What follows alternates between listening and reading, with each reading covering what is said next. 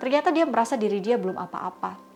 Terlebih lagi pada saat dia menikah dengan laki-laki yang ternyata laki-laki ini tuh memiliki background keluarga yang beda banget sama background keluarga dari uh, klien aku gitu.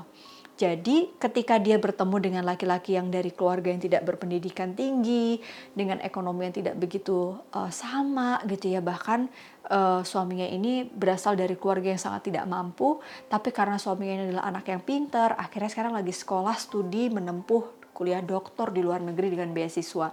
Itu aja di mata klien aku belum apa-apa. Karena sampai sekarang si ibu masih belum bisa menerima menantu yang dirasa menantunya ini tidak sepadan dengan putrinya. Pernah nggak sih kamu ketemu sama orang yang sulit banget membangun relasi entah sama lawan jenis atau sama sahabat kerabat dekat? Terus udah gitu, tipikal orang ini juga sulit banget mengungkapkan pendapat dengan asertif, alias tiap berkomentar selalu diam atau bahkan pusing orang lain dengan agresif. Tipikalnya biasanya orang ini juga sulit untuk bisa menerima kekurangan orang lain dan sulit untuk melihat kelebihan orang lain bahkan melihat kelebihan diri dia sendiri. Nah, gara-gara kemarahan itu dia jadi sulit memaafkan orang lain dan memaafkan dirinya.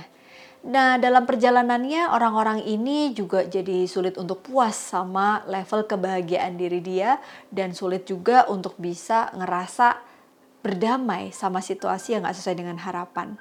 Mungkin orang-orang ini sedang mengalami yang namanya childhood emotional neglect.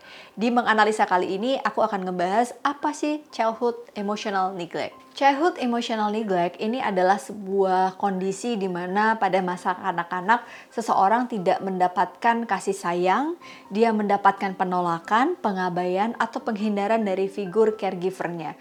Bisa jadi orang tua, pengasuh, atau keluarga besar. Nah, pola ini ada yang disadari, ada yang tidak. Dan tidak hanya diasuh secara fisik ya, tapi secara psikologis juga, seperti kasih sayang, kehangatan, maupun kehadiran dan kedekatan dari figur-figur yang mereka harapkan di masa tumbuh kembang penting mereka. Kenapa ya ini bisa terjadi pada seseorang? Ada sebuah pengalaman yang aku dapetin di ruangan konseling nih. Jadi pada saat itu biasanya klien ini datang dengan cerita yang sederhana dia nggak kuat ketika dia mendapatkan penolakan dari dosen pengajarnya. Nah, pada saat uh, ujian, tiba-tiba dia gagal dan dia menyalahkan statement dari dosen yang membuat dia tuh merasa gagal atas ujian tersebut. Tapi kegagalan itu ternyata tidak berangsur menghilang, membaik dan dia lupakan. Sudah bertahun-tahun ternyata klien aku ini tuh kayak kurang bisa uh, berdamai sama situasi yang udah terjadi padahal itu udah tahun-tahun yang lalu pada saat dia masih duduk di bangku sekolah. Nah, pada saat dia sekarang menjadi seorang profesional, ketakutan dia untuk salah, ketakutan dia untuk bisa menghadapi uh, kritikan itu seperti ada yang terngiang-ngiang gitu loh pada saat dia ujian dulu waktu di masa sekolah.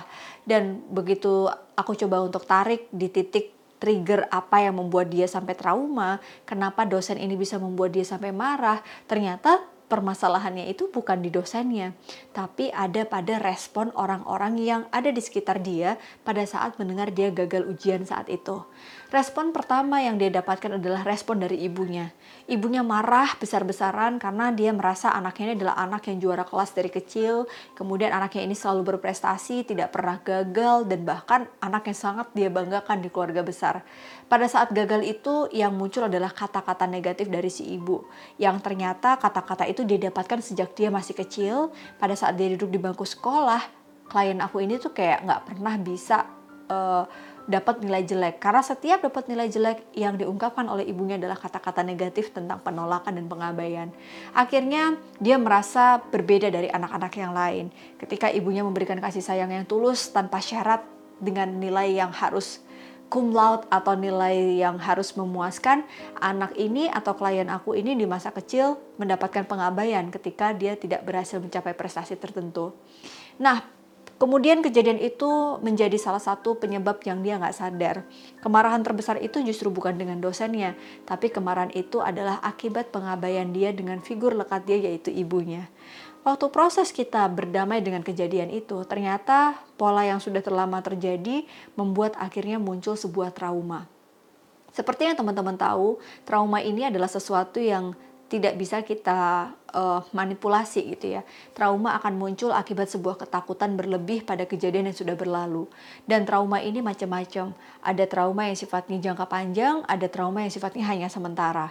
Untuk trauma yang jangka panjang, apalagi muncul akibat childhood uh, atau pengalaman masa kecil, ternyata ini butuh proses yang nggak sebentar untuk mendapatkan treatment dari sudut pandang psikologi gitu kan. Jadi akhirnya pada saat itu aku minta uh, apa sih yang harus dilakukan? Dia harus sadar dulu. Traumanya ini adalah trauma masa lalu yang nggak bisa dirubah. Ada luka yang belum sembuh.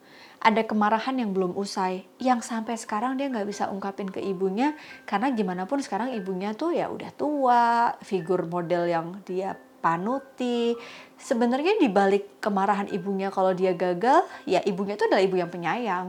Ibunya ini adalah ibu yang sangat uh, dia jadikan sebagai role model. Tapi klien aku ini mengalami childhood emotional neglect yang cukup dalam karena ini selalu terjadi pada setiap usia sekolah dari sejak bangku TK sampai bangku kuliah. Sampai akhirnya dampak terbesarnya adalah klien aku ini dia jadi tidak mudah puas dengan pencapaian yang dia sudah capai sekarang. Dia merasa numb, dia merasa nothing, dia merasa kayaknya dia itu bukan siapa-siapa. Padahal profesi yang dia punya sekarang itu adalah profesi yang sangat diinginkan oleh semua orang. Dia sekarang ada di titik di mana semua orang kalau misalnya berkarir pasti itu cita-citanya ya di level itu di profesi dia. Ternyata dia merasa diri dia belum apa-apa Terlebih lagi pada saat dia menikah dengan laki-laki yang ternyata laki-laki ini tuh memiliki background keluarga yang beda banget sama background keluarga dari uh, klien aku gitu. Jadi ketika dia bertemu dengan laki-laki yang dari keluarga yang tidak berpendidikan tinggi, dengan ekonomi yang tidak begitu uh, sama gitu ya, bahkan uh, suaminya ini berasal dari keluarga yang sangat tidak mampu, tapi karena suaminya ini adalah anak yang pintar, akhirnya sekarang lagi sekolah, studi, menempuh kuliah doktor di luar negeri dengan beasiswa. Itu aja di mata klien aku belum apa-apa. Karena sampai sekarang si ibu masih belum bisa menerima menantu yang dirasa menantunya ini tidak sepadan dengan putrinya. Jadi kemarahan itu berdobel apa ya berkali lipat gitu, double double gitu teman-teman sifatnya. Dia marah karena ibunya tidak bisa menerima suaminya, dia bahkan marah dengan suaminya dan dia marah sama keadaan kenapa aku uh, belum bisa membahagiakan ibuku karena ibuku selalu mengatakan bahwa aku gagal memilih pasangan. Nah, distorsi atau kesalahan berpikir seorang uh, individu yang mendapatkan childhood emotional neglect ini ternyata disadari belum lama setelah mengikuti sesi konseling dan terapi. Pada saat dia menyadari ada luka yang sebenarnya terjadi pada saat usia childhood atau anak-anak, Akhirnya dia berusaha untuk ngobrol dari hati ke hati dengan uh, pasangannya. Bahwa dia selama ini tidak pernah memberikan afeksi dan apresiasi bukan apa-apa, bukan karena nggak bangga, tapi karena dia masih ada luka yang dia nggak sadar, yang di mana dia terus mengejar penerimaan, pengakuan, apresiasi dari sosok figur ibu yang dia harapkan memberikan kasih sayang tanpa syarat. Lalu setelah itu aku minta dia ngobrol sama ibunya. Ternyata ini langkah yang paling sulit untuk dia lakukan. Karena sampai sekarang dia masih merasa sungkan apalagi ibunya itu udah sepuh, usianya udah lansia. Jadi dia nggak mau bikin ibunya tambah marah dan punya pikiran baru. Akhirnya klienku ini aku bawa di dalam imagery terapi. Pada saat kita visual, kita minta dia untuk membayangkan ada sosok ibu di kursi di depan dia tumpah deh gitu. Dia ngobrol sama ibunya yang sosok imajinasi dia. Dan pada saat dia ngobrol dari hati ke hati, di situlah muncul kemarahan-kemarahan yang dia tumpuk selama puluhan tahun. Kemudian dia juga uh, nangis gitu ya ketika dia melihat bahwa sebenarnya ibunya tuh sayang banget sama dia, tapi karena ibunya juga punya luka akibat trauma di masa lalu, karena si ibu ini ditolak oleh keluarga pasangannya, karena ibu ini sampai sekarang pendidikannya tidak selevel dengan pasangannya, yaitu bapak dari klien aku. Jadi akibat luka yang tidak disadari ini turun menurun menjadi luka-luka berikutnya gitu teman-teman. Akhirnya aku minta klienku untuk secara utuh dia menyadari bahwa luka ini harus di stop. Uh, Maksud aku bukan di stop kemudian hilang ya. Luka ini tetap ada, tapi dirawat, disadari, dikenali. Ibaratnya luka ini sudah terlanjur ditutup terlalu lama, ketika kita buka, luka ini udah nggak bagus lagi gitu. mungkin butuh waktu untuk bisa merawat luka ini. Walaupun luka ini masih butuh dirawat, tapi kalau kita menyadari setiap hari dengan penuh kesadaran yang tinggi, luka ini menjadikan sebuah sinyal yang baik untuk berhati-hati ke depan supaya luka ini tidak melukai di generasi berikutnya yaitu anak dari klien itu sendiri. Jadi reparenting itu menjadi salah satu cara kita yang bisa dilakukan ketika kita menjadi orang tua dengan childhood neglect atau childhood emotional neglect tadi. Memaafkan diri sendiri itu penting. Bahwa untuk bisa uh, mendapatkan apresiasi dari diri, kita nggak perlu mendapatkan apresiasi dari orang lain, bahkan orang tua kita sendiri. Coba kalian peluk diri kalian dan ucapkan terima kasih bahwa kalian sudah berjuang sampai di titik ini. Kalaupun memang kita gagal, ya it's okay, artinya kita belum berhasil. Kalaupun sekarang kita masih marah, ya nggak apa-apa, besok juga marahnya akan hilang. Orang penuh dengan kemarahan atau anger dalam hidup, dia akan marah sama semua orang dalam hidupnya sulit untuk bisa open minded terhadap pemikiran orang lain, sulit untuk bisa menerima masukan. Dia menjadi fragile ketika ada orang yang menyerang pemikiran dia. Dia akan merasa fragile kalau dia gagal dan dia jatuh terprosok, dia seperti tidak bisa punya kemauan untuk bangkit dari keterpurukannya. Nah, teman-teman semuanya, melalui dari video ini aku pengen teman-teman kita pelajari trauma yang terjadi di masa kecil ini mungkin perlu kita rawat.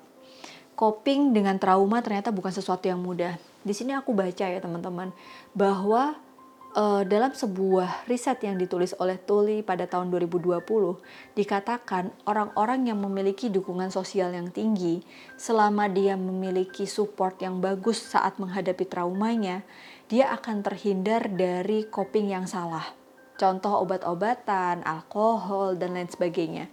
Dan orang-orang yang memiliki trauma itu, menurut Tuli juga dikatakan, langkah pertama adalah validasi perasaanmu. Jadi memvalidasi perasaan ini tuh bukan berarti kita harus mendapat pengakuan dari orang lain. Coba tulis, ekspresikan emosi apa yang hadir ketika kita mengenali luka dan trauma kita di masa kecil. Coba ambil kertas, digambar kayak apa sih bentuknya emosi itu dengan warna atau direkam suara apa yang terdengar dari suara hati kita. Yang kedua, coba temukan support group yang bisa memang membuat teman-teman itu merasa berdaya. Mungkin kamu nggak sendirian, tapi ada orang lain di luar sana yang mendapatkan kecaman ketika dia mendapatkan pengabaian dari pola asuhnya. Dengan melihat cerita orang-orang lain yang mendapatkan pengalaman berbeda tapi serupa, kita jadi bisa punya helikopter view yang beda kita jadi bisa melihat bahwa kehidupan masa kecil kita tidak hanya ada di titik ketika kita trauma. Ada hal-hal membahagiakan lain yang membuat kita tuh bisa sampai di titik sekarang. Bisa jadi juga trauma itu menjaga kita, merawat kita untuk dari sikap-sikap yang membuat kita semakin ego dan sombong. Kita mungkin hanya butuh untuk merawatnya, menyadarinya, dan kita menjaganya supaya reminder untuk kita terus menjadi manusia yang bertumbuh lebih baik setiap harinya. Nah, teman-teman semuanya, uh, semoga video ini tuh bisa jadi sebuah insight gitu ya, nggak cuma untuk kita yang sekarang sedang struggle sama uh, masa kecil yang mungkin memilukan, trauma-trauma penolakan terhadap ya mungkin nggak cuma di, di rumah bisa jadi di sekolah pernah dibully pada saat uh, di sekolah pernah ditolak atau mungkin um, di anak tirikan dari sibling sendiri atau kakak adik kandung sendiri. Apa pun itu setiap keluarga pasti punya cerita dan setiap kita pasti punya keluarga Nah, salah satu cara kita adalah menyadari, menerima, dan memaafkannya, lalu melangkah lagi untuk menghadapi ke depan, karena hidup kita ke depan tidak dipengaruhi semata hanya sepenggal dari cerita yang menyedihkan di masa lalu. Terima kasih dan nonton Analisa Channel. Sampai jumpa di episode berikutnya. Kalau kamu suka menganalisa kali ini, boleh kamu share dan kasih komen dong di bawah. Kira-kira nextnya kita mau menganalisa apa lagi nih. Thank you. Assalamualaikum warahmatullahi wabarakatuh.